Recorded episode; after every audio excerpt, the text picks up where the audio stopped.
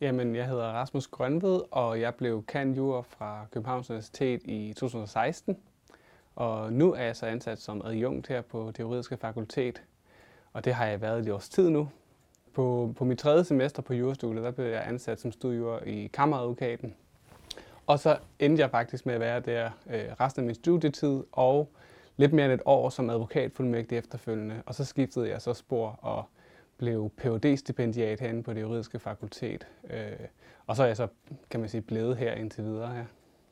Jamen, jeg, jeg har aldrig haft sådan en fixeret karrieredrøm. Jeg tror, jeg har været åben over for forskellige muligheder, men jeg har hele tiden haft en idé om, at jeg i hvert fald gerne vil øh, altså, fordybe mig mere end det, man har mulighed for at gøre på jurastudiet. Så jeg, jeg havde nok en idé om, at jeg gerne ville i hvert fald ville, ville øh, være phd stipendiat Øh, men jeg ved heller ikke nu, om det er her, jeg skal være resten af mit liv. Jamen altså for mig så var overgangen fra studieliv til arbejdsliv øh, udfordrende, fordi at man ligesom kom ind i en, i en hverdag, der var meget rutinepræget, hvor man ligesom møder op på arbejde og arbejder dagen lang og så tager hjem.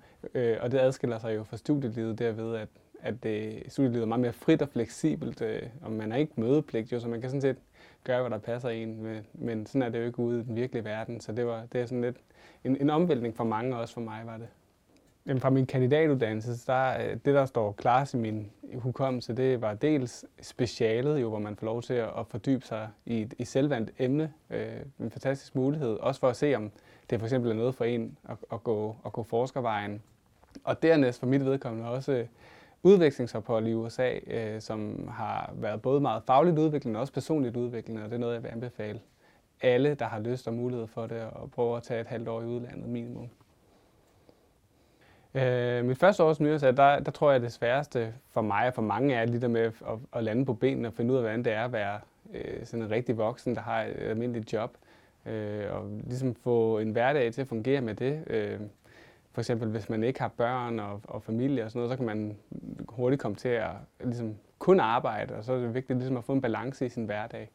Øh, så det tror jeg er noget af det, der er sværest. Jamen det arbejdsområde, man kan sige, jeg beskæftiger mig, beskæftiger mig med nu, det er jo øh, forskning. Øh, og det, det var jeg tiltrukket af fra starten, fordi jeg ligesom godt kan lide at fordybe mig og gå, gå, gå dybere ned i ting, end, end, end, end den måde, som man har mulighed for at gøre det på de fleste arbejdspladser.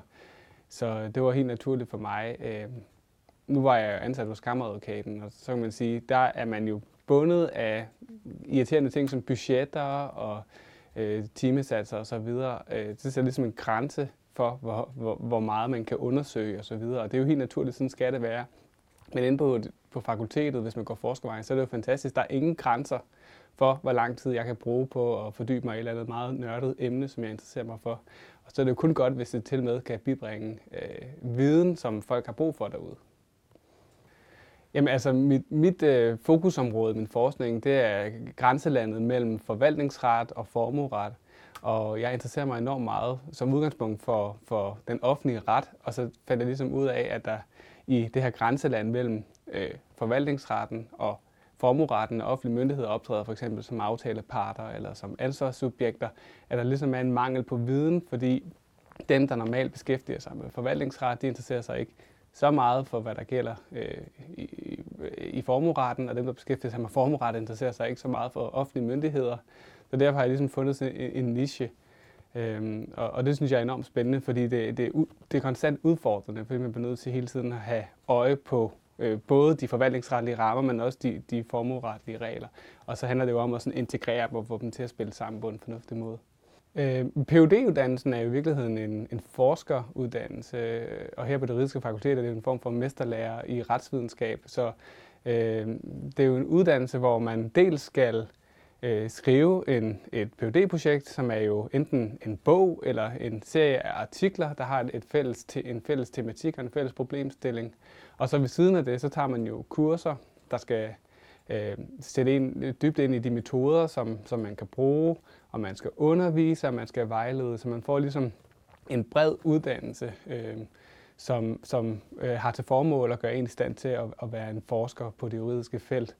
Øhm, og det er jo noget, man kan bruge til at gå videre, hvis man gerne vil blive med at være forsker. Øh, men man kan også bruge det bare som, som almen øh, viden om, at, at, hvordan man tilrettelægger for eksempel et stort projekt, hvad man arbejder selvstændigt, og hvordan man, øh, man, man selv øh, planlægger en, en længerevarende proces.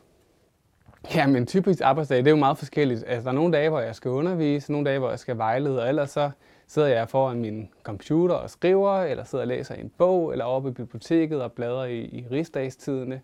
Øh, det fantastiske er jo, at det, det er i høj grad mig selv, der bestemmer, hvad jeg bruger min tid på. Så nogle gange har jeg lyst til bare at sætte mig ned og læse, og så gør jeg det. Men jeg har jo ikke sådan, så frygtelig mange konkrete opgaver, udover øh, kan man sige, at, at vejlede og undervise.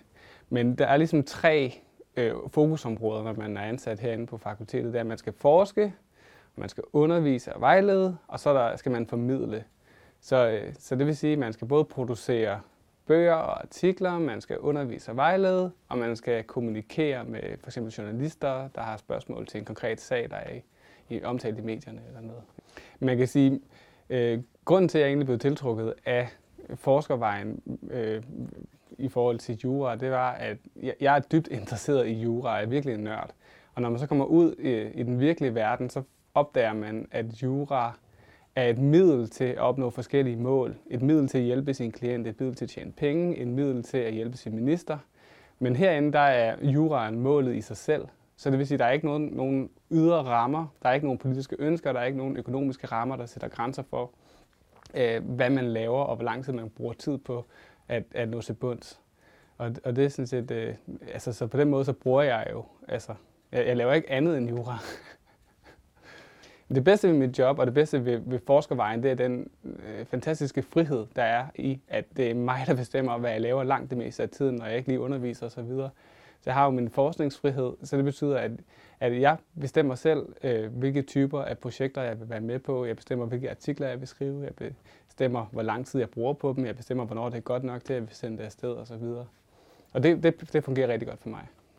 Ja, altså det, som der så er bagsiden af medaljen, det er, at den her frihed kommer jo så også med et ansvar.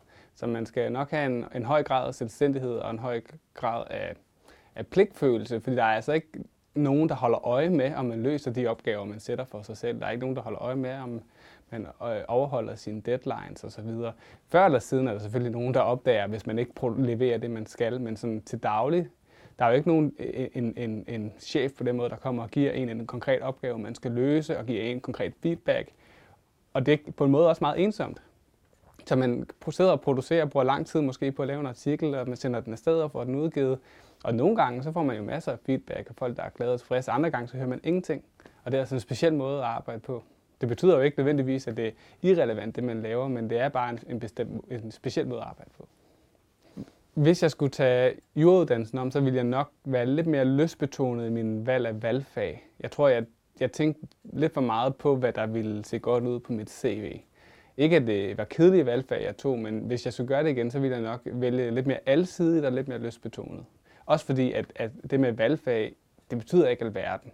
Altså, der, der er rigtig mange, der kommer til at arbejde med omretsområder, som de slet ikke har beskæftiget sig med på studiet. Og det er jo fordi, jura er først og fremmest et metodefag. Og netop derfor er det måske også meget godt at være alsidig. Mit bedste råd til jurastuderende er nok, at jeg tror, man skal forberede sig på, at alt godt findes i en gråzone, gråzone mellem lyst og pligt. Så det betyder, at man bliver nødt til at indstille sig på, at det kommer til at, at blive hårdt at gennemføre jorduddannelsen. Det skal det være.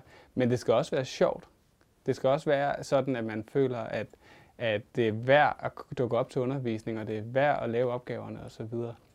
Øh, og, og derfor så, så er det vigtigt, at man sørger for at lytte til sig selv, og ikke lade sig presse af forventninger, der kunne være for samfundet eller for potentielle fremtidige arbejdsgiver, men, men også husker på, at, at man skal have sig selv med i, i, igennem sin uddannelse og, øh, og måske øh, nogle gange følge sin lyst mere, end, end hvad man tænker er, er det mest fornuftige at gøre. thank you